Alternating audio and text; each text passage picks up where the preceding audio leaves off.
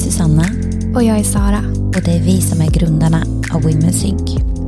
Vi är på ett mission att hjälpa kvinnor att leva i synk med sin biologi. Vi tror på att vi som kvinnor är cykliska och att vad vi behöver, känner och dras till förändras under månadens gång. Vi tror att vilka vi omger oss med, vad vi gör, vad vi äter och vad vi lyssnar på. Att allt är information som påverkar och formar oss till dem vi är. Syftet med de här konversationerna är att lyfta kunskap och verktyg för att vi ska kunna få tillgång till allt vi redan är och har.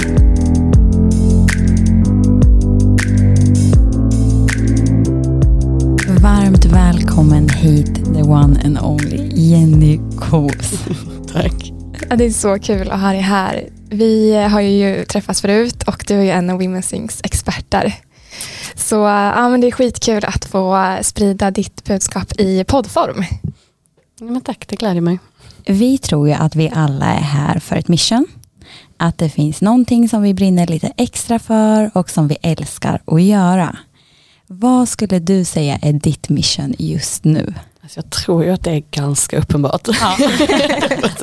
Nej men jag, alltså det är många som undrar så här, Åh, hur orkar du och hur kan du liksom brinna så mycket? Det? För jag har ju verkligen pratat om liksom samma saker mer eller mindre i 12, 13, 15 år nu liksom och varit väldigt, väldigt konsekvent och väldigt eldig med det liksom. Och det är just för att det är ett kall för mig. Alltså mm. att detta med, med våra rättigheter, med kvinnokroppens plats liksom, som jag tycker att den måste få lov att ta, som jag inte tycker att den har tagit. och det kan vi väl alla hålla med om att den inte har fått göra. Liksom. Eh, alla de frågorna och förstås också min egen resa med fertilitetsförståelse. Det är ju liksom att ha den egna upplevelsen och den egna erfarenheten från att jag är liksom 18 år är ju ganska ovanligt. Det är inte alla som liksom började kartlägga sin psyke på det sättet när de var 18. Så jag har ju verkligen liksom levt med det hela mitt liv. Så det är klart att det är naturligt för mig. Men oavsett det så hade jag kanske inte varit så otroligt liksom äh, ihärdig med det och heligt förbannad som jag brukar säga. Om mm. det inte kändes som att det här är liksom vad jag ska ägna mitt liv åt. Jag, jag har inte riktigt något val i den frågan utan det är vad jag kommer göra resten av mitt liv. Det är, ja, det har alltid varit så. Sen kan man börja prata om tidigare liv och allt möjligt och där har jag liksom skämtsamt sagt att jag, jag har blivit bränd på bålet ett par gånger innan. Det här är bara ett virtuellt bål den här omgången. Liksom. så, så ja, det är ett kall. Um, och jag vet inte riktigt hur jag ska formulera, koka ner det liksom till en grej. Um, men ja, kvinnors rättigheter. Mm. Så fint. Verkligen. Ja, men du nämnde nu att, att det här med att kvinnor, kvinnans kropp och kvinnohälsan inte får någon plats. Kan du inte berätta lite, så här, vad beror det på? Eller vad är det som har lett fram till att det ser ut så här? Alltså, vi tänker så här, så som samhället ser ut, alltså, då menar jag industrialismen, kapitalismen, patriarkatet, mm. alltså så som samhället är strukturerat så är det ju liksom byggt utifrån vad man kan kalla för väldigt maskulina principer. Och nu pratar jag alltså inte om kön här liksom, eller så, utan vi pratar om um, vad ska man säga, värderingar kring alltså manlig versus kvinnlig energi. Jag gör citationstecken mm. här också för att liksom, det, det, jag vet att det kan tolkas lite konstigt men, men det finns ju liksom olika typer av eh, kvaliteter liksom, som man kan värdera högre eller lägre och produktion, linjär produktion, eh, stadig, statisk, liksom väldigt jämn produktion och tillväxt på det sättet kan man väl räkna som någonting ganska maskulint och det värderas ju väldigt högt i samhället medan cyklicitet och liksom att ha perioder där man är någonting annat än jätteproduktiv och där, man, där saker och ting fluktuerar och där man känner andra grejer och där man inte liksom kan göra samma saker. Det, som hör väldigt mycket till så att säga det kvinnliga eh, och som syns väldigt tydligt i våra kroppar är ju någonting som inte värderas särskilt högt därför att det ger inte den typen av avkastning som man vill ha i det här samhället och det är liksom inte så, det är byggt helt enkelt därför att det har varit män som har styrt på det sättet. Så att det märks ju liksom i forskning, det märks i, i medicinen, det märks i samhällsstrukturer, i lönegapet, i liksom alla möjliga olika sätt så ser man ju hur de kvinnliga aspekterna liksom av, av livet, och då pratar vi igen inte om kön, liksom, utan om yin och yang, mm. eh, värderas väldigt lågt. Medan yang är någonting som värderas väldigt högt. Och eh, jag vet att det kan låta lite flummigt men titta liksom på de rent praktiska aspekterna så ser man ju det. Och när det handlar om forskning då så tycker man ju liksom att kvinnokroppen är lite besvärlig. Därför att hon hon, hon liksom är inte likadan varje dag och det är olika hormonnivåer och det påverkar allt möjligt. Liksom. Det påverkar alla saker som vi försöker mäta, som vi försöker liksom sätta ett referensvärde på, en, en standardnivå på i det här samhället för att samhället ska gå runt och för att man ska kunna skapa medicinska behandlingar och allting. Då vill man ju gärna ha en exakt siffra, man vill gärna att liksom saker och ting ska funka typ likadant. Om ens kroppar funkar lite mer så än vad kvinnokroppen gör. Vilket ju gör då att då blir det jobbigt att forska på kvinnokroppen och då, liksom, då bortser man från den och så gör man studier på folk som är liksom, antingen då biologiskt manliga eller menopausala, det vill säga har inte menscykler längre därför att cykliciteten i sig är, liksom, det är ett besvärligt moment i själva forskningen. Och det kommer ju ner liksom då till att så här, ja, men vissa mediciner funkar helt olika på kvinnor i olika delar av menscykeln. Eller, alltså, allting till att så här, bilbälten inte passar kvinnor. Liksom. Det märks på så, så många olika sätt. Eh, och det är ju jättefrustrerande och det känns som att det är inte riktigt förrän nu som man ens börjar liksom titta på, okej okay, men hur funkar det i lutealfasen då? Och hur funkar det i follikulärfasen? Och, och när, alltså där finns ju till exempel studier på hur, eh, när, man, när man gör en operation exempelvis, och hur läkningen funkar. Att det är liksom mycket mer gynnsamt att opereras när man är på väg mot ägglossning. Därför att då är immunförsvaret mer aktivt än vad det är att opereras precis under mensen eller precis innan mensen.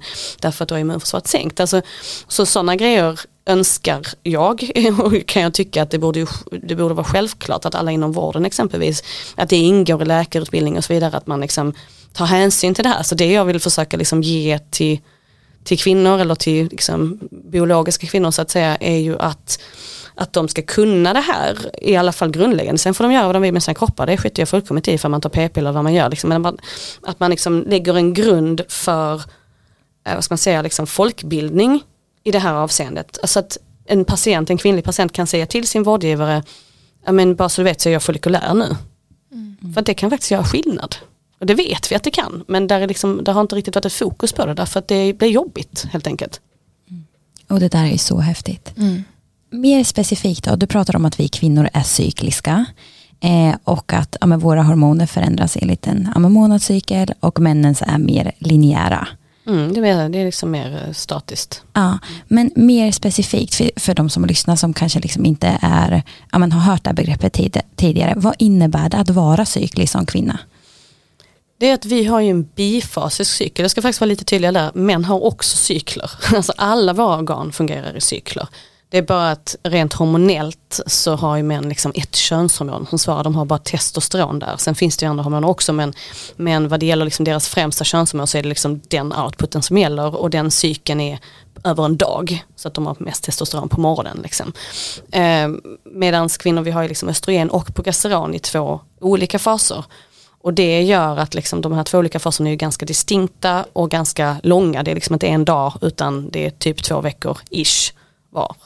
Eh, och, det, och det här betyder ju att liksom det dominanta hormonet just då har en enorm impact på allting från liksom då exempelvis läkning till eh, kåthet, till humör, eh, till alltså alla möjliga grejer. Liksom. Så att eh, det här behöver man ju känna till att det finns och behöver också känna till att om man till exempel går på p-piller så har man inte de skiftningarna därför att då stänger man ner det. Mm. Mm, den där frågan får vi ofta i VS. Mm. Om jag går på p-piller, går jag in i de olika faserna mm. i menscykeln? Nej. Nej. Mm. Men på tal om liksom de här skillnaderna mellan män och kvinnor så brukar ju också menscykeln kallas för kvinnans femte hälsotecken. Mm. Varför är menscykeln så viktig? Alltså här, här om, det finns det ju en jättestor debatt liksom, med folk som tycker att mensen är onödig och vi behöver inte blöda och så vidare och det, det är ofeministiskt rent av att blöda. Liksom. Men, men då missar man lite poängen, det är inte blödningen i sig som är grejen. Blödningen är, alltså den är inte jätteviktig. Liksom. Men den berättar någonting, eh, den berättar ganska många saker faktiskt. Det viktiga i cykeln är ägglossningen. Och anledningen till att den är viktig är för att alltså, när du liksom, när du ägglossar så har du liksom en period där du är på väg till ägglossning och då producerar ditt ägg och dess follikel, alltså själva äggskalet, en, eh, en mängd östrogen. Liksom. Och östrogenet har massa effekter i kroppen, som sagt på allting från din benstomme till din psykiska hälsa. Liksom. Eh, Och sen när du har ägglossar så producerar du progesteron som i sin tur har en hel massa effekter. Och de två hormonerna står liksom och de står inte mot varandra så att de är liksom opponerar varandra men de balanserar varandra. Eh, så att progesteronet exempelvis har en lugnande effekt där, där östrogenet har en lite mer stirrig effekt så att säga, på psyket. Så de här hormonerna balanserar varandra och återigen för att gå tillbaka till forskning så finns det alldeles för lite forskning på fördelarna med att producera progesteron. Det finns en del men det är liksom inte det är inte en sån som riktigt har varit så intresserad av det. Det finns en hel del forskning på hur mycket vi behöver östrogen till exempel för benstommar. Så jag vet att ni jobbar med det till exempel när man har, alltså tränar för mycket och väger för lite och allt det där så kan man ju få problem med liksom östrogenbrist. Eh, men då får man också problem med progesteronbrist för att om du inte är ägglossare så får du ingen progesteron. Eh, och progesteronet har också en effekt i benbyggandet exempelvis. Så att eh, där har man liksom inte ens, det har man liksom helt utelämnat. Så när man säger att mensen är onödig, då säger man också att ägglossningen är onödig. Och då struntar man helt i det faktum att om du inte ägglossar så producerar du inget progesteron. Hur kan vi bara liksom utesluta ett av våra två våra två dominanta könshormon och säga att det har inget värde överhuvudtaget. Nej okej, blödningen i sig kanske inte har ett jättestort värde.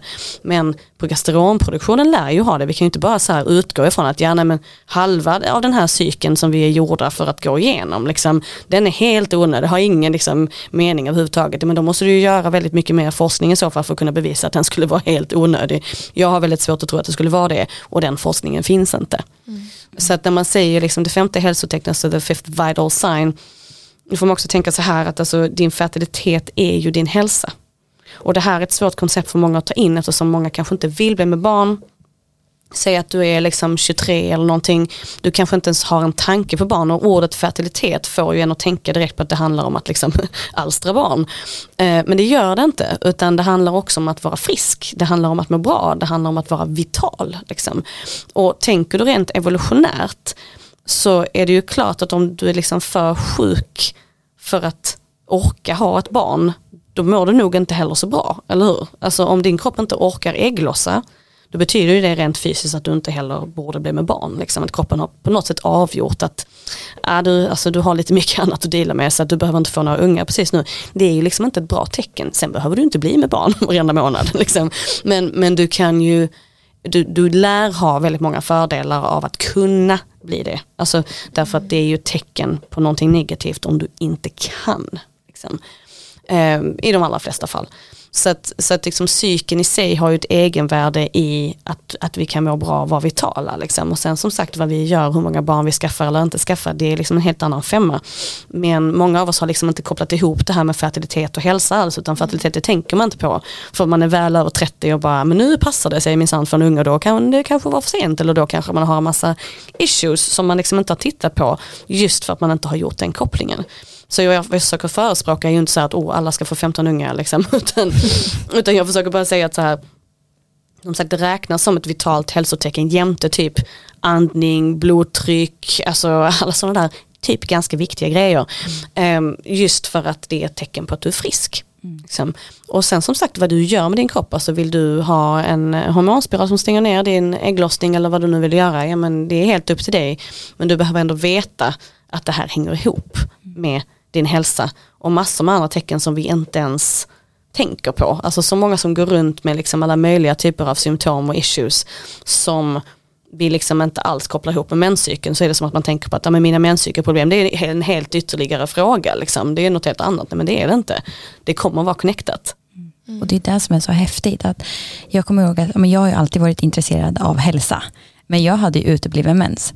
Men jag förstod all, eller jag förstod inte hur de här två hängde ihop, precis som du säger. Men det var när jag förstod att okej, okay, menscykeln är kvinnans femte hälsotecken tillsammans med liksom kroppstemperatur, andning, hjärtfrekvens, blodtryck.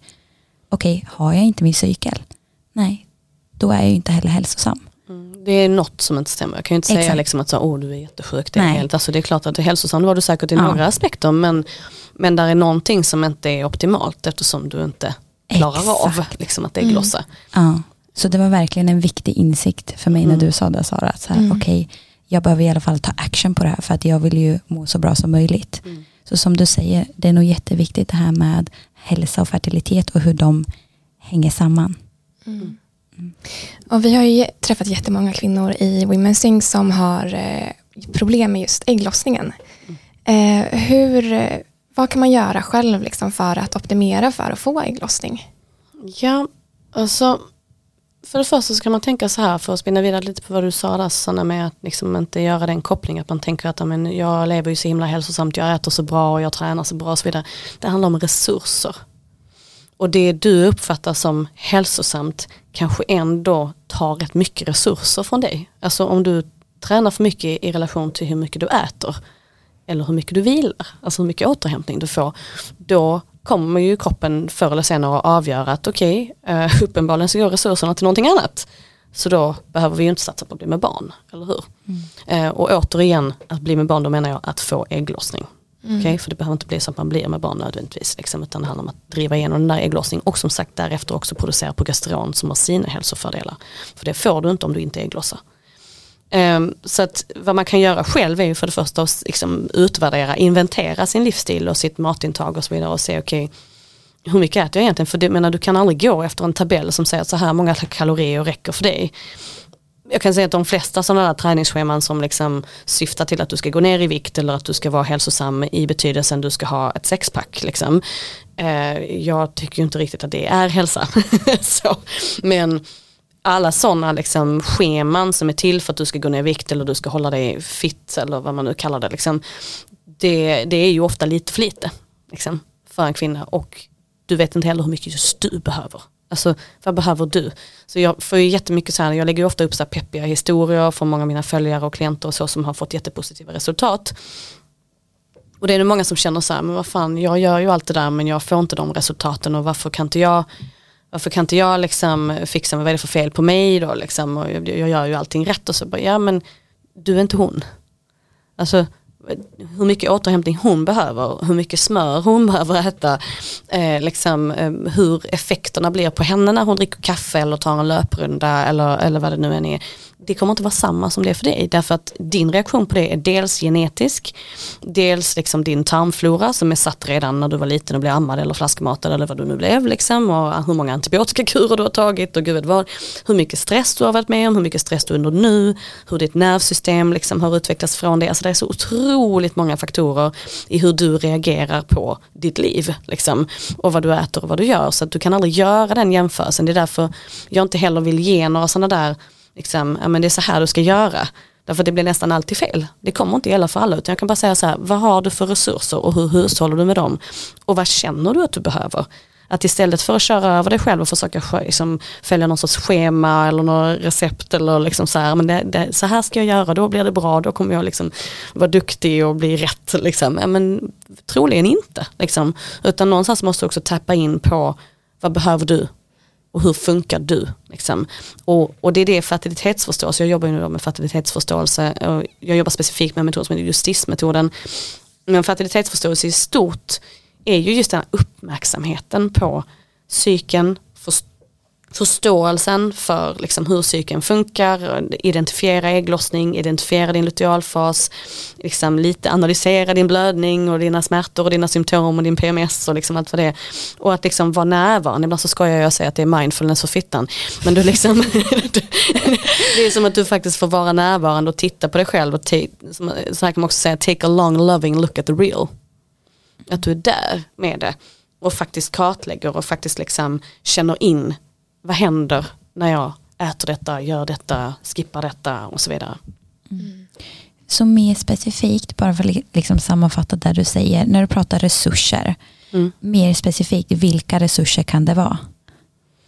Energi. Energi, och det kan vara i form av näring? Ja, ja. Mm. Alltså mat, vila, eh, fysisk aktivitet och eller vila som sagt. Mm. Eh, men också så här hur du mår. Alltså saker som som eh, toxiska relationer eller eh, hur mycket massage du har fått i ditt liv. hur mycket fysisk närhet du får, hur ofta du har sex. Alltså alla de sakerna kan också spela in. Alltså för att tankar skapar materia och då menar jag hormoner. Så att när man pratar om hormoner så liksom pratar man också om det ofta som att det är någonting utomstående, att det är, som, det är något man kan mäta, liksom, nu har jag 586 i östrogen, bla bla bla. Liksom. Och det, alltså, det är inte riktigt relevant, alltså för att dina, dina hormoner är ju, dels så kommer de också påverka dig på ett annat sätt än liksom, alltså du kommer inte må på ett exakt sätt bara för att du har en exakt siffra. Utan hur du reagerar på dem är en sak. De skapar, alltså vilken hormoncocktail du just nu producerar kommer skapa ditt humör lite grann och din livsupplevelse. Och också din livsupplevelse, ditt mående generellt i form av sådana här olika stressfaktorer och, och lugnfaktorer och så. Eh, kommer ju i sin tur att producera en viss cocktail av hormoner.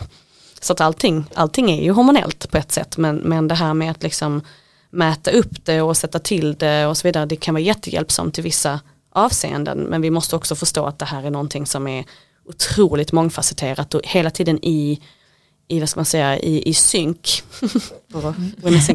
i synk med, med liksom ditt liv och alla faktorer i ditt liv. Ja. Mm. Ja, men du träffar ju så sjukt mycket kvinnor som eh, ja, men kanske har inte hittat just den här synken alltid eller inte är i synken just nu. Har du kunnat se vissa typer av kanske så livsstilsfällor som ofta återkommer? Ja men absolut och det är ju att man tar slut på sina resurser. Mm. Alltså eh, att man äter för lite, att man äter eh, för näringsfattig mat, eh, att man i sin tur också lägger till saker som spolar ut näringen så att man inte får behålla den. Eh, stress gör ju också att du har svårare att absorbera näring och det, det blockerar ut en massa av dina må bra-hormoner och blockerar ut ibland till och med möjligheten att få ägglossning kan liksom blockeras av att du stressar tillräckligt mycket. Eh, här kan ju tilläggas då att liksom många av oss dricker ju kaffe eller någon typ av koffein hela tiden som är som att dricka flytande stress. Så att liksom lägg på det där och så är det vätskedrivande så du får ut alla vitaminer i andra ändan. Liksom. Oavsett hur mycket kosttillskott du tar, tar du en kopp kaffe till dem liksom, så är det ju kört, då är det ju pengar i sjön. Liksom. Um, så att jag menar, många av oss lever ju liksom på någon typ av, alltså vi ska vara hälsosamma men samtidigt så behöver vi våra droger liksom för att går runt i det här samhället och det är ju liksom inte vårt fel, samhället är byggt så. Man ska jobba så här så här många timmar, man ska, alltså man ska åstadkomma sig och så mycket och så, så bor man själv och så måste man hantera det och det och det. Alltså, men samhället är ju inte riktigt byggt för att vi ska må optimalt om man säger så, samhället är byggt för produktion. liksom. så, att, så att vi går ju liksom ofta på en cocktail av typ så här, ja men det där kaffet och kanelbullen och, och sen vinet för att lugna ner oss och så ciggen och sen eh, energidrycken och så, så håller man på sådär och sen ska man samtidigt vara nyttig ovanpå det och tänka att man ska vara vegetarian eller vegan därför att det är så bra för miljön. Liksom. Och det är så hälsosamt och så slutar det med att amen, nu har du liksom ingenting att gå på överhuvudtaget och sen på det så ska du springa så och så många löppass för att du ska vara fit. Alltså du har, du har liksom ingenting kvar, var är resurserna? Mm. Um, och det här kan ju såklart, det här har ju oändliga variationer. Liksom. Vissa äter mer socker än vad de tål och andra äter mer kolhydrater än vad de tål. Och så, alltså, som sagt, vår genetik och vår livsstil kommer ju påverka också hur vi tolererar det vi gör. Ibland träffar man ju folk där man tänker, herregud, hur, hur, liksom, hur kan du leva så här? Alltså liksom typ så här, säg att de lever på eh, Coca-Cola, lösgodis och cigg. Liksom. Och så ändå så verkar allting funka och menscykeln är som en klocka och liksom de får hur många barn som helst och de har bra och inga symptom. Så, ja, och, och, för vissa så funkar det av någon anledning och för andra så är det så här man tar två dadlar och så bara oh, så havererar hela liksom. så, så att det är liksom, livet är ju orättvist på det sättet och det är därför jag menar att liksom det bästa man kan göra för sig själv är liksom att så här, titta på, okej okay, hur reagerar jag faktiskt, alltså bortom mina föreställningar om hur det borde vara, om liksom hur jag borde göra och när jag är duktig och vad, vad som är rätt. Liksom. Igen, vem är jag då? Mm. Ja, du kommer in på så många intressanta områden här och en sak som jag fastnade vid var, du nämnde till exempel så veganism, eh, koffein, men just typ veganism, varför kan det vara negativt för vissa? Alltså därför att du inte får i dig all den näring du behöver. Mm. Alltså helt enkelt, för att det, alltså jag menar, där finns ju näring i grönsaker och frukt, det vet vi. alltså det är liksom inga konstigheter. Um, men ett, kan du ta upp det? Alltså därför att om du samtidigt liksom lever på till exempel baljväxter och gluten, vilket ofta blir en stapelvara om man ska vara vegan, liksom, därför att man måste bli mätt. Mm. Um, och har du det liksom i din diet och du kanske inte tål det så bra, vilket ganska många inte gör, hur vet så, man om man inte tål det exempelvis? Alltså där måste du nästan utesluta helt under en längre period. Alltså speciellt vad det gäller gluten. Du kan liksom inte utesluta det i en vecka och tänka att du ska se resultat. Men du får utesluta det i liksom några månader kanske. Och sen testa och provocera så att säga. Ta en kanelbulle efter fyra månader och se hur du reagerar. Då brukar man märka det liksom. Um, men um, Alltså saker som till exempel då, jag, men, jag tänker sojaprodukter, alltså olika typer av fejkprotein, alltså ersättnings, låtsaskött. Liksom. Eh, som sagt gluten, baljväxter och så, de, alla de där är ganska problematiska liksom, för mångas tarmar. Mm. Um, och, det, och det innebär ju då dels att liksom, dels är det inte fullvärdigt protein och det gör det inte mätt på samma sätt som animaliska produkter hade gjort. Eh, vilket jag kan säga att dina hormoner ofta märker av. Därför att de bygger på kolesterol, var får man kolesterol ifrån? Mättat fett, var får man det ifrån? Animaliskt fett. Eh, så att du behöver, liksom, du behöver ju också någonting att bygga dina könshormoner på. Liksom. Och sen behöver du bli mätt ordentligt så att din kropp känner en typ av trygghet och det kan vara en utmaning. Eh, och ska du då bli det istället på veganska produkter liksom, eller saker som är okej okay, enligt veganismen, liksom, då, då kan det i sin tur vara ett problem för din tarm. Och näring i exempelvis grönsaker och, och, så är ju inte riktigt lika tillgängligt som det skulle vara till exempel i en bit lever. Sen har jag liksom full förståelse för att man kanske inte vill äta det av många olika skäl. Liksom. Men faktum är ändå att det är mycket lättare för kroppen att ta upp och hantera och använda som bränsle än vad det är att äta. Så du skulle behöva äta sådana enorma mängder av men, spenat eller vad det nu kan vara för att få lika mycket näring som du hade kunnat få liksom, i en bit kött exempelvis. Mm. Um, så att det som händer, men jag ska inte säga att ingen kan må bra på veganism, det finns också väldigt många som mår väldigt bra på det initialt. Att det till en början funkar skitbra, men sen efter ett tag, när jag säger ett tag så menar jag typ två år, mm. så börjar det märkas, då kommer liksom bristsymptomen. Och det smyger ju sig på, för det märker man ju inte. Liksom. Eh, så, så det kan ju vara då mer PMS, det kan vara, det kan vara mindre sekret, lägre östrogennivåer, det kan vara liksom mer trötthet, det kan vara ett sköldkörtelproblem, det kan vara alltså låg sextus, alltså så börjar det börja liksom eh, och ticka på sådär. Så att många av de som jag har träffat, alltså det har ju varit någonting i min praktik och det har jag ju träffat hundratals kvinnor eh, där majoriteten, alltså en överväldigande majoritet är vegetarianer eller veganer. Alltså och det är så här, med all respekt, alltså jag, jag, jag, jag, vet att det här, alltså jag förstår de etiska anledningarna till att göra det.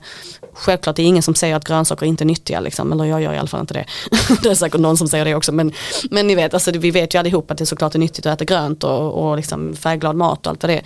Men när man ser det så upfront och jag sitter och analyserar deras menscykler och det är så här vegan efter vegan efter vegan efter vegan och jag bara, alltså du vet, det blir svårt att inte säga någonting. Jag känner att det vore oetiskt av mig att inte säga då att hej, alltså det här med att veganismen är det absolut bästa kanske inte handlar om kvinnokroppen den forskningen och den utgångspunkten kanske inte handlar om att just menstruerande ägglossande kvinnor ska må så, bäst, alltså så, så bra som de bara kan. Utan den kanske utgår från eh, vita män som inte menstruerar och förlorar så mycket järn varje månad. Eh, den kanske utgår efter eh, planetens bästa eller någonting annat. Liksom, det finns ju massor med olika anledningar till att man ska liksom vara vegan eller, eller liknande. Men var är studierna som visar att det är det absolut bästa för kvinnor som ska ägglossa? Mm.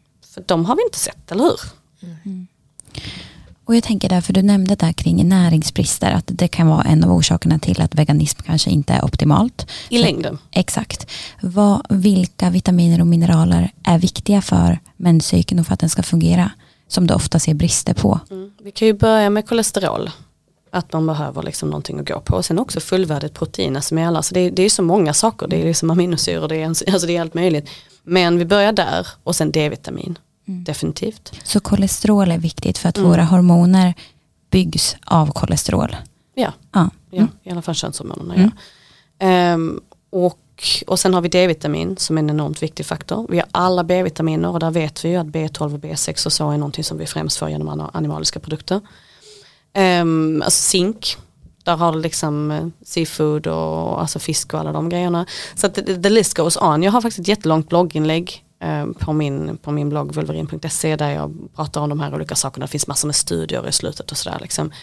Ehm, för det, egentligen behöver vi ju alla näringsämnen för att lyckas ägglossa. Liksom. Och, och, som sagt, det, kan, alltså det är många som får en boost till en början. Alltså folatet brukar, brukar exempelvis vara jättebra om man äter massa färgglada grönsaker.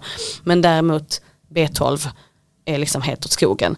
Alltså, och, och sen kan man ju ta tillskott. Och, och det, alltså I'm all for it. Är du, är, du liksom, är du väldigt, väldigt säker på att det är så här jag vill äta, jag kan inte tänka mig att äta på något annat sätt, då måste du se till att du, att du liksom supplementerar med någonting. Och då kan du ju inte som sagt samtidigt äta massa saker som du inte tål. Men det blir ju ett problem om de sakerna du inte tål är stapelvaror i den dieten du vill äta.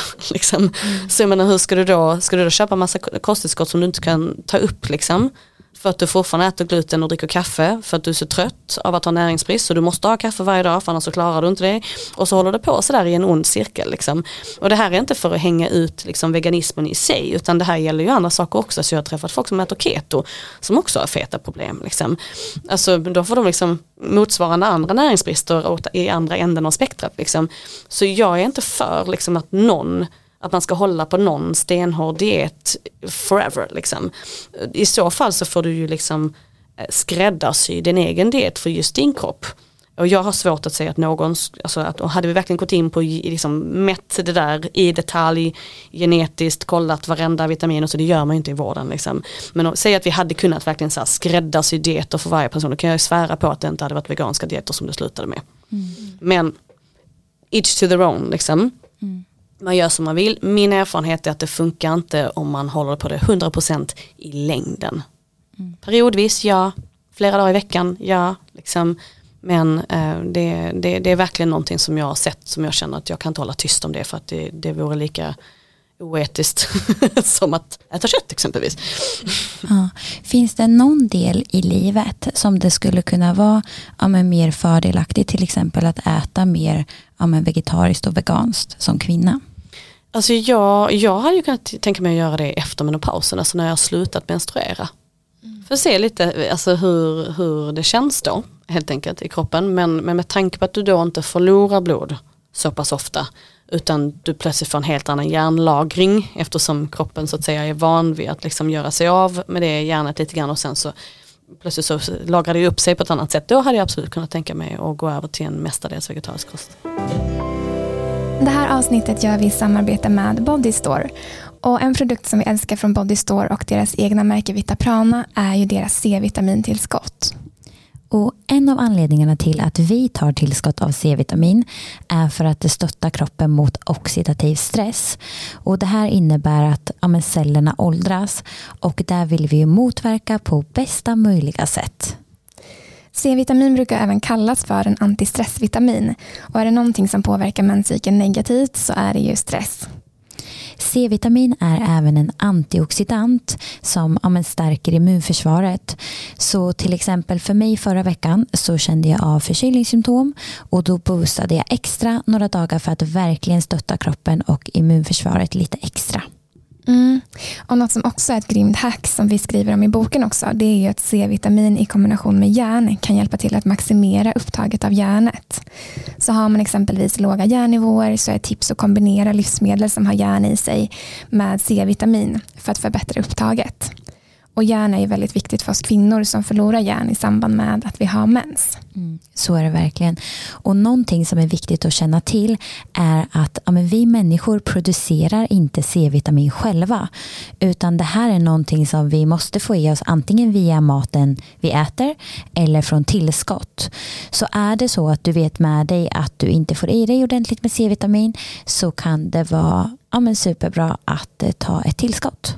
Yes. Och I och med samarbetet med Body Store så har vi en rabattkod till er.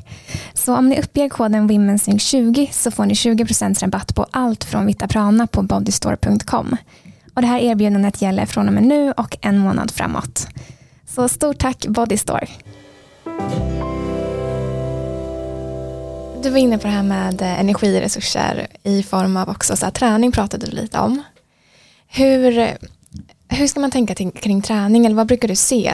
För att vi vet ju till exempel att överträning kan ge negativa mm. effekter men eh, även andra sidan av myntet kan ju också vara det. Hur, ja, hur vet man om träningen är liksom någonting man ska fundera över? Mm. Nej, men det, där skulle jag säga titta på menscykeln. Alltså mm. det är mm. det som är så bra med att titta på sin menscykel. Det är det som är så bra med fertilitetsförståelse. För plötsligt så får du liksom ett diagnostiskt verktyg där du hela tiden har en spegel av vad händer när jag gör så här. Och då får du också liksom vara ska man säga, realistisk och nykter med det. För du vet att många är väldigt attached liksom, till sin träning så att man, man är liksom mer eller mindre beroende av den och känner att det är det är någonting man liksom inte klarar sig utan av flera olika skäl. Dels för att man får en rent hormonell kick av det. Eh, och dels liksom för att man känner sig duktig när man har liksom fullföljt det. Så, att, så att där måste man också ta ett steg tillbaka och bara okej okay, vad är de egentliga effekterna av detta om jag liksom bortser från allting jag, igen, som jag tycker att jag skulle göra. Hur ser det ut i verkligheten liksom. Och det jag ser, eh, det, det har varit något som jag har pratat om mycket som, som folk verkligen inte gillar att höra. Det är att alltså, jag har ju många löperskor. Många löperskor.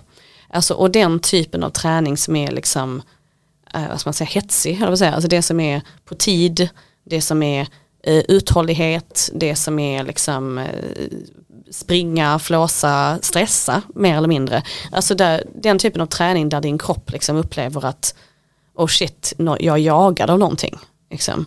Och den får ju absolut effekter många gånger i form av att man går ner i vikt och så. Men, men för din fertilitets skull och därigenom din, också din hormonhälsa så kanske inte det alltid är så önskvärt enligt kroppen. Mm. Om man säger så. För vad skulle du säga, till exempel när man kör högintensiv träning eller man springer väldigt mycket. Vad är det som händer i kroppen och som i sin tur påverkar menscykeln? Men tänk helt enkelt så här, alltså om du är jagad av ett lejon, tänker du att dina äggstockar ska tycka det är rimligt att skaffa barn mitt i allting? Så det är liksom, så enkelt är det. Alltså där binjurarna går in och drar igång liksom en, en, ehm, ja, en stressrespons mer eller mindre. Alltså där är ju inte, det finns liksom inte riktigt utrymme många gånger för äggstockarna då att göra sin grej därför att kroppen prioriterar, kroppen är klok. Den fattar, liksom. men, men den fattar inte alla våra skönhetsideal men den förstår stress och den förstår vila och den förstår trygghet och den förstår mat. Liksom. Eh, och igen där måste vi vara realistiska och titta på okej okay, vad, vad, liksom, vad tål jag i form av träning. Liksom. Och vissa tål ju, alltså säg att du kör någon högintensiv variant eller du, eh, du löper eller någonting annat men att du samtidigt käkar liksom, tillräckligt mycket mat för dig. Du, du äter kött, du äter bra med smör, du kör dina ägg, du liksom så. Ja men då kanske det funkar alldeles utmärkt. Händer. Men kanske inte om du samtidigt käkar en linssallad. Liksom. Så, så det, det beror ju på liksom. Mm. Och det där är ju så intressant för att som du säger att det är ju säkert alla delar samtidigt. har jag själv märkt att till exempel ja men, att det handlar såklart om vad man äter men det är också delar som hur mycket har jag i mitt liv, hur mycket återhämtar, mm. återhämtar jag mig, vad har jag för tankar och känslor, vad händer i mitt liv överlag. Så det blir mm. ju att alltså det kan ju bli pricken över it. Mm. Precis, the last straw on the camel's back som man säger, eller sista droppen som får bägaren rinna över. Alltså, så absolut, och jag, jag, brukar säga ibland, alltså rent ur det här hormonella perspektivet, att som sagt för du säger vilka känslor man har gentemot det, att det är en sak att att liksom springa för att det är skönt, att vara ute i skogen och springa barfota bara för att det är så jävla gött. Liksom. Det är ju en sak. Jämfört med att jag ska klämma in så här många kilometer innan jag går till jobbet och står hela dagen och dricker kaffe i åtta timmar för att klara av mitt jobb. Liksom. Det är ju två väldigt olika saker. Så ibland kan jag säga till folk som är så här, men jag måste träna, jag vill inte vara stillasittande, det är så viktigt för mig. Så kan jag vara så okej okay, men kan vi byta ut kan vi byta ut det här löppasset mot ett zumbapass? Kan du gå och dansa? Du kan dansa lite salsa, röra dina höfter, vara i din kropp, njuta av din kropp. Liksom känna att så här, mm, den är ändå rätt göttig att vara i istället för att spänna dig som fan och kuta. liksom. För det är ju två väldigt olika responser rent känslomässigt och känslor är hormoner. Mm. Så att det där är någonting att tänka på. Då brukar de flesta som är så här en inbitna liksom löperskor brukar vara så nej fy fan. Jag vill liksom inte för mitt liv över min döda kropp att du hittar mig på ett zumbapass. Liksom. Jag vill verkligen inte stå där och röra på höfterna. Usch, liksom. Därför att det är som sagt en helt, en helt annan, eh, ett helt annat varande mm. i kroppen som kan kännas väldigt obehagligt. Liksom. Och det är precis där nyckeln ligger oftast. Okej, okay. om du reagerar så på att röra dina höfter och dansa salsa eller dansa i grupp eller whatever, då kanske det är någonting du ska undersöka i liksom din relation till din kropp och din, din relation till träningsformen i sig. Varför springer du på precis det sättet du gör? Liksom. För jag ska inte säga, men det, det finns många löperskor i världen som har fått barn, det är liksom inte det att det inte går. Men jag har haft väldigt många klienter där det är droppen. Mm. Och det där, eftersom att jag själv har blivit coachad av dig, det där var sjukt utmanande att höra när jag var där, vad var det, tre, fyra år sedan. Eh, men det var också så himla värdefullt. För att någonstans där förstod man ju att amen, man var mer i huvudet än vad man var i kroppen.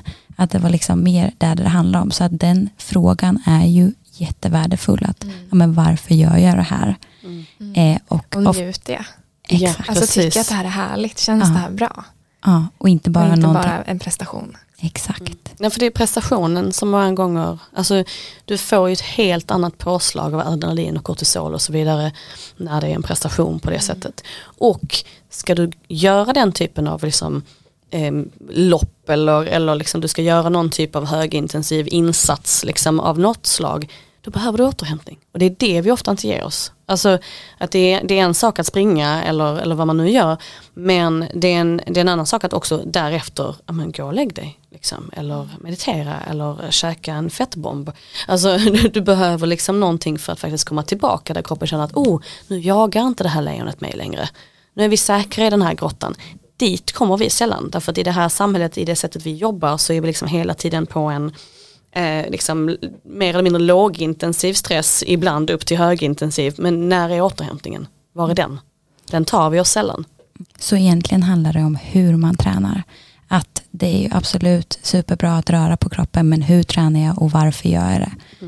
Och har jag nog med mat och återhämtning Ja. för att göra det i den här skalan? Ja, för hur skulle man kunna säga att många har till exempel om att man lider av mycket PMS och de delarna. Hur skulle man kunna använda om en fysisk aktivitet som ett verktyg då? Jag tänker på, det finns en bok som heter In the Flow av Alisa Vitti. Eh, och jag gillar Alisa Vitti vanligtvis, jag tycker hon har jättemycket bra poänger och hon är bra på många sätt. Men där har hon ett sånt här träningsschema. Och det här tycker jag är lite, liksom, jag har en dubbel inställning till det därför att det har blivit mer och mer snack om det här med att träna enligt menscykeln. Jag gjorde ett webbinar om det på min, jag har en sån här streamingplattform där jag har massa föreläsningar som jag lägger upp som heter boon.tv slash vulverin.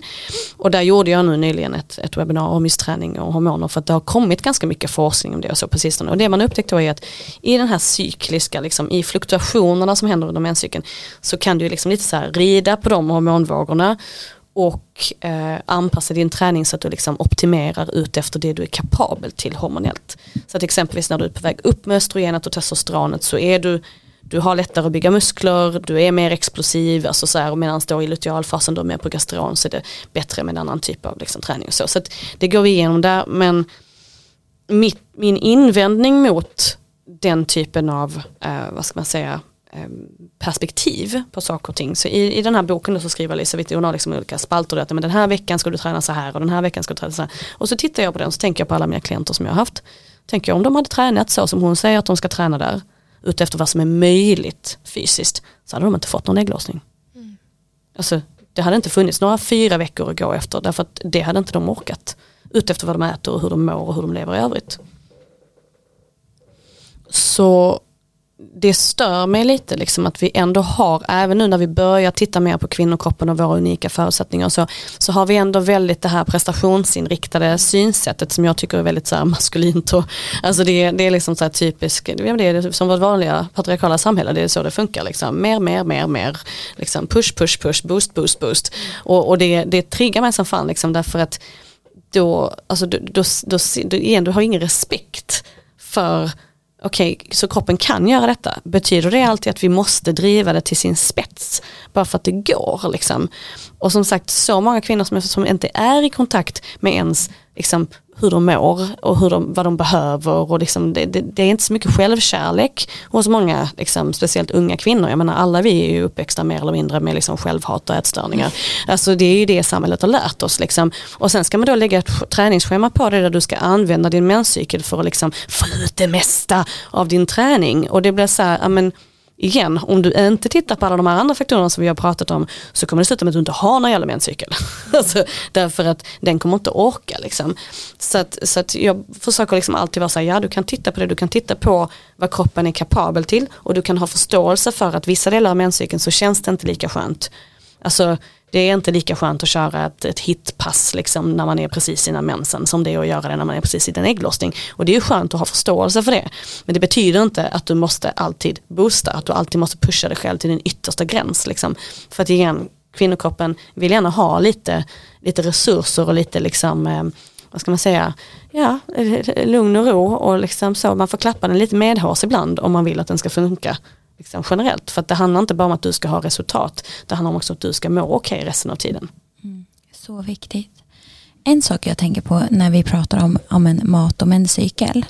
Eh, jag vet att många undrar över, ja, men, vad kan jag göra för att, ja, men vad ska jag äta för att ja, men ha en menscykel i balans? Och vi vet ju alla här att vi alla är unika och vi kommer behöva olika saker. Men mer specifikt, finns det vissa delar som du tycker är, ja, men det här är viktigt när det kommer till kost och menscykel? Fullvärdigt protein, fett, eh, gärna animaliskt fett också, inte margarin, inte linfröolja, så det är klart att man kan äta linfröolja men jag, jag, det ersätter inte smör exempelvis. Det ersätter inte någonting annat. Liksom. Eh, och förstås alltså, färgglada grejer. Mm. Grönsaker och frukt. Alltså, det är så enkelt jag håller det och sen försöka undvika saker som är eh, dränerande. Jag tänker på sånt som är kraftigt vätskedrivande, typ koffeinhaltiga drycker, liksom, alkohol förstås. Alltså, jag sitter inte här själv och säger att jag gör det här. Alltså jag dricker vin, gjorde jag senast igår kväll. Eh, det händer att jag tar en kopp kaffe men stora skillnaden liksom är ju att jag, jag gör det inte blint. Jag vet exakt hur jag kommer bli påverkad. Alltså, så jag kan till och med använda en kopp kaffe terapeutiskt. Jag vet att det fuckar upp mig på ett visst sätt men jag tar det precis på den här dagen för att jag vill ha den effekten där. Därför att jag vet att men då blir de närmaste två veckorna så här. Så det är det som är det coola, liksom, att man är medveten om hur hur det verkligen påverkar en. Um, så det är inte så att jag försöker liksom säga att åh här är, sitter jag på min höga häst och leker guru, liksom, ät som mig. Så det tycker jag inte alls. Liksom. Men vissa saker kommer vi allihopa behöva. Vi kommer behöva liksom, till exempel protein, fett, Lite kolhydrater förespråkar jag absolut. Jag tycker inte att det ska vara helt kolhydratlöst därför att min erfarenhet är att kvinnors ägglossning gärna uteblir om de inte har tryggheten i form av lite kolhydrater då och då. Andra håller inte med. Jag vet att det finns många olika syn på detta. Liksom. Um, jag är ju all for kött, absolut. Tyvärr inte ur etiskt eh, synpunkt så, men eh, ja, gräsbetande, eko och allt det där, jo, jag, jag, är absolut för det för att det är det jag ser liksom. mm uh, i min praktik och hos mig själv förstås också. Och det håller liksom alla mina kollegor världen över med om. Så att jag känner att jag har ganska bra grund att säga att jo, animaliska produkter har en plats i dieten. Liksom. Alltså om man vill må bra. Sen kan man ju offra sin egen hälsa för att man har ett annat purpose. Liksom. Mm. Men, men då gör du det liksom, medvetet i så fall. Um, och sen är det så här, ja man behöver mörker på natten, man behöver sol på dagen, vi behöver D-vitamin, vi behöver beröring, vi behöver community. Alltså det finns ju liksom vissa grejer som är fett allmängiltiga. Eh, som vi gärna glömmer bort faktiskt i vår strävan att vara duktiga. Mm. Så viktigt. Och du har pratat ganska mycket om koffein, men mer specifikt på vilket sätt påverkar koffein menscykeln? Ja, så du dricker flytande stress liksom. så, att, så att dels så får du ju hela den här effekten på binjurarna. De drar igång liksom ett helt spel med adrenalin, kortisol och bara woho, liksom, du är jagad av ett lejon. Liksom. och, och, det, och det i sig kan störa vissa processer. Eh, sen är det ju det att det, det är som sagt vätskedrivande så att en hel del av den näring som du tar in liksom, så att säga, kommer ut i andra ändan lite för snabbt. Eh, och att det blockerar vissa grejer. Så till exempel magnesium och så, D-vitamin kan bli blockerat mm. av det. Eh, och det här är ju näringsämnen som du behöver som bränsle för att driva igenom en bra ägglossning och en bra menscykel. Så intressant. Mm. Så jag säger inte så att man aldrig får lov att röra det, det är inte det. Men om det är en daglig del av din kost och du har mycket problem med allting från mensvärk till PMS till infertilitet, eh, syster, ömma bröst, you name it. Liksom. Testa, du kan mm. pröva. Det är inte så att det måste vara liksom, vi måste inte demonisera kaffet liksom. Vissa klarar det alldeles utmärkt och det går bra för dem, de är jättetoleranta. Alltså en kopp kaffe för mig, då är jag vaken tre nätter i sträck och får panikångestattack. Så jag vet ju att jag är väldigt mycket mer känslig än, än många andra liksom. Men, men om du testar, jag brukar säga så här, testa liksom från en mens till en annan mens, alltså genom två hela mensar och se effekten. Och sen börja dricka kaffe igen och se vad som händer. Mm. Det är liksom, du, du, kommer inte, du kommer inte ta skada av det. Liksom. Det kan du pröva. Bara se vad som händer. Så bra tips. Jag tycker det är så intressant just för att man har hört så mycket om kaffe och alla möjliga perspektiv men just perspektivet till menscykeln känns mm. så förbisett och ja, så nytt att titta på. Ja, för det är så roligt när man säger att oh, det kan hjälpa dig mot Alzheimer. Ja. Så bla, bla, bla. Ja, men alla vi då. Mm. Det är 50% av befolkningen som också har liksom helt normaliserade problem. Alltså vår mensvärk och vår PMS och sånt. Det är ju saker som säger men det är så det är att vara kvinna. Mm. Men det är ingen som pratar om då, ja, men vad, vad skulle hända om om vi anpassade kostråden liksom, och Livsmedelsverkets rekommendationer kring hur många kaffekoppar man ska dricka om dagen efter kvinnor. Det har man inte gjort för att den forskningen finns inte där, det perspektivet är inte där, intresset är inte ens där. Liksom. Så det, det, tycker jag också är sjukt irriterande när man är så här, ja, men, Liksom. Folk kan bli väldigt upprörda när jag pratar om kaffe för alla älskar ju sitt kaffe, liksom, speciellt svenskar är ju det är liksom, du vet, det, det, det är guld med kaffe. Så, att, så att det är ju förstås väldigt otrevligt att höra att det skulle vara ett problem i ditt liv. Men det är bara det jag säger, så här, men bara testa, ge det en månad, that's it. Liksom. Och bara se vad som händer. Och med tanke på hur många tusentals kvinnor och vittnesmål som jag har nu som har löst problem som de har gått med i 20 år. Alltså tänk att du har åkt in och ut i vården med olika typer av smärtor och problem och gått på antidepressiva och smärtstillande och alltså gud vet vad, p-piller och så vidare för att hantera dina menscykelsymptom och sen försvinner allt för att du slutar dricka kaffe. Alltså Alltså, då blir man ju lite lack kan jag känna. Ja, det Ja. är otroligt. Jag måste sluta helt nu känner jag. jag försöker men jag har ju bara insett hur beroende jag är. När jag försökte dra ner på det. Mm. Men Då det gör man oftast, då, då Ja. märker man bara shit. jag har ju liksom. trott att jag kan sluta när jag vill. Men eh, det är inte så lätt. Men jag jobbar på det. Det är bra. Ja. Ja, men vi tänker att vi går in på de avslutande frågorna. Eh, och den eh, första handlar just om livsmedel och mat som vi var inne på. Ehm, men tvärtom då, vad är ett livsmedel eller en ingrediens som du inte skulle kunna leva utan? Smör, snabbt svar. vad är det för smör du äter då? Ja, så jag äter guldsmör, liksom, så Mm. ekologiskt, stort paket. Det var, jag sa det till min man häromdagen, liksom, när vi, så här, vi håller på att sätta ihop våra hushåll. Eh, så att vi liksom har två kylskåp hela tiden, så det, det finns aldrig riktigt det man vill att det ska finnas. Och så sa jag till honom bara så här, det enda du ska tänka på, köp mer smör. Alltid köp mer smör. Det är liksom, om du missar allting annat, bara det är där, liksom, för annars får jag panik. Eh, och om du fick tipsa om en bok, vilken skulle det vara? En bok, men The Fifth Vital Sign av Lisa Hendrickson Jack är ju väldigt bra. Hon är en gammal elev till mig, alltså en, en Justice HRHP. Alltså min titel är ju Justice Holistic Reproductive Health Practitioner.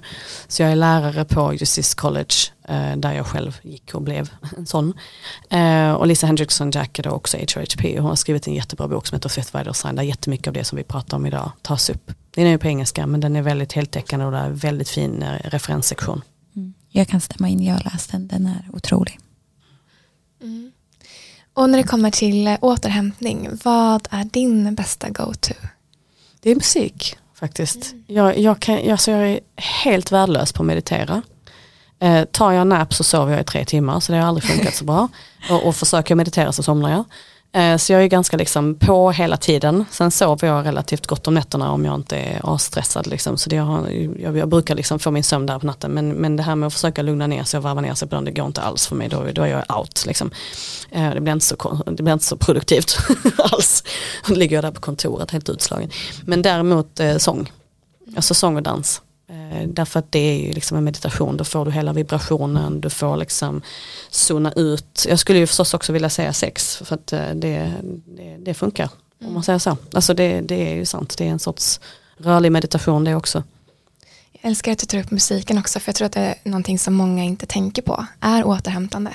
Ja, men det är det ju. Ja. Alltså det, det, det tänker vi eh, alldeles för lite på, just det här med vad händer med människor när vi rör oss i grupp och sjunger i grupp. Alltså vi vet ju att oxytocin som är må bra-hormonet över alla andra liksom, eh, utsöndras när vi sjunger kör exempelvis, utsöndras när vi dansar. Så det är ju någonting, men att titta på det har människor i alla tider gjort. Det är väldigt specifikt för människor också, detta med liksom dans och musik och stampa tillsammans och banka tillsammans och liksom hela den rytmiska biten och det gör verkligen någonting med oss. Så det är ett otroligt bra sätt att liksom unwinda ditt nervsystem och för mig typ det enda som funkar för som sagt allting annat är, ja, då blir jag bara irriterad eller så somnar jag. Så det, det är liksom sex, musik, dans, det funkar. Härligt. Och om du fick ge dig själv ett råd till ditt 16-åriga jag, vad skulle det vara? Oh. Alltså jag tänker när jag var 16 så gick jag på p-piller. Och hade typ alla möjliga symptom. Alltså jag testade typ åtta olika sorters p-piller och hade liksom alla symptom eller biverkningar rättare sagt. Utom regelrätt blodpropp och död.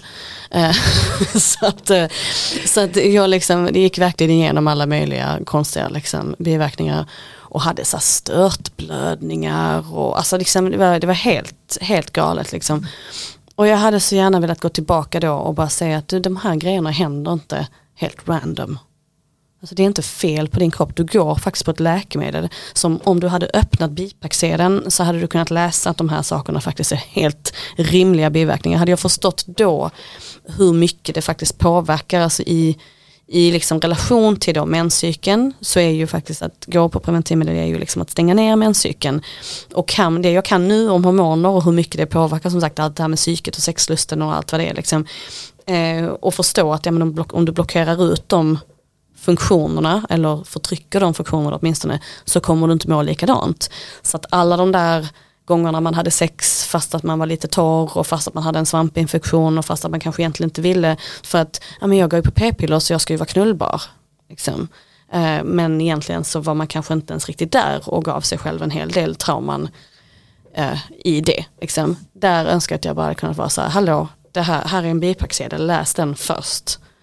Och sen tänk, sen kan du ta beslut. Liksom. Men att ingen stannade upp, ingen, ingen ens på, inte på ungdomsmottagningen när jag kom dit och med min lättblödande livmodertapp som de diagnostiserade till när jag hade så här störtblödningar varje gång jag hade sex. Och de bara, ja du kanske har cellförändringar. Nej det hade du inte, du har lättblödande livmodertapp. Nu vet jag att lättblödande livmodertapp är en fullt möjlig biverkan av de p jag, jag gick på. Och ingen sa någonting liksom, och allting försvann när jag slutade. Mm. Eh, så, att, så att det är ju därför också som jag jobbar med det jag gör. Inte för att så här, säga till folk att de inte ska gå på p-medel men när jag var 18 då och gick av de p som jag hade gått där i fyra år liksom, eh, och hållit på och liksom grejat med. Eh, så, så fick jag ju verkligen en relation, jag var ju så sjukt motiverad att lära mig fertilitetsförståelse. Eh, det var faktiskt min mamma som köpte bildningsmetoden, boken till mig och började lära mig om det för att det visade sig att hon hade också haft alla de där biverkningarna och hade inte kunnat gå på någonting sen hon var ganska ung och det hade hon inte heller berättat för mig. För liksom ingen i vuxenvärlden som så här, du alltså så här ska du inte må. Liksom, utan det var bara så här, men testa en ny sort, testa en ny sort, testa en ny sort tills man var liksom helt förstörd. Och, och det är ju någonting jag verkligen brinner för, liksom att alla ska ha rätt att förstå hur de här grejerna funkar. Inte att jag tycker att man ska göra på ett eller annat sätt liksom, och absolut inte att jag tycker att det här är produkter som inte ska finnas. Liksom. Det har ju absolut sin plats liksom, med preventivmedel både för preventionssyfte och för att liksom, manage vissa symptom och så.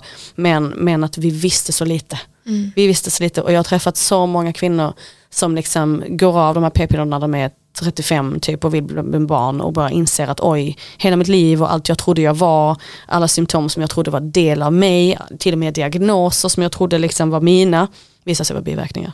Mm. Det gör mig heligt förbannad. Ja.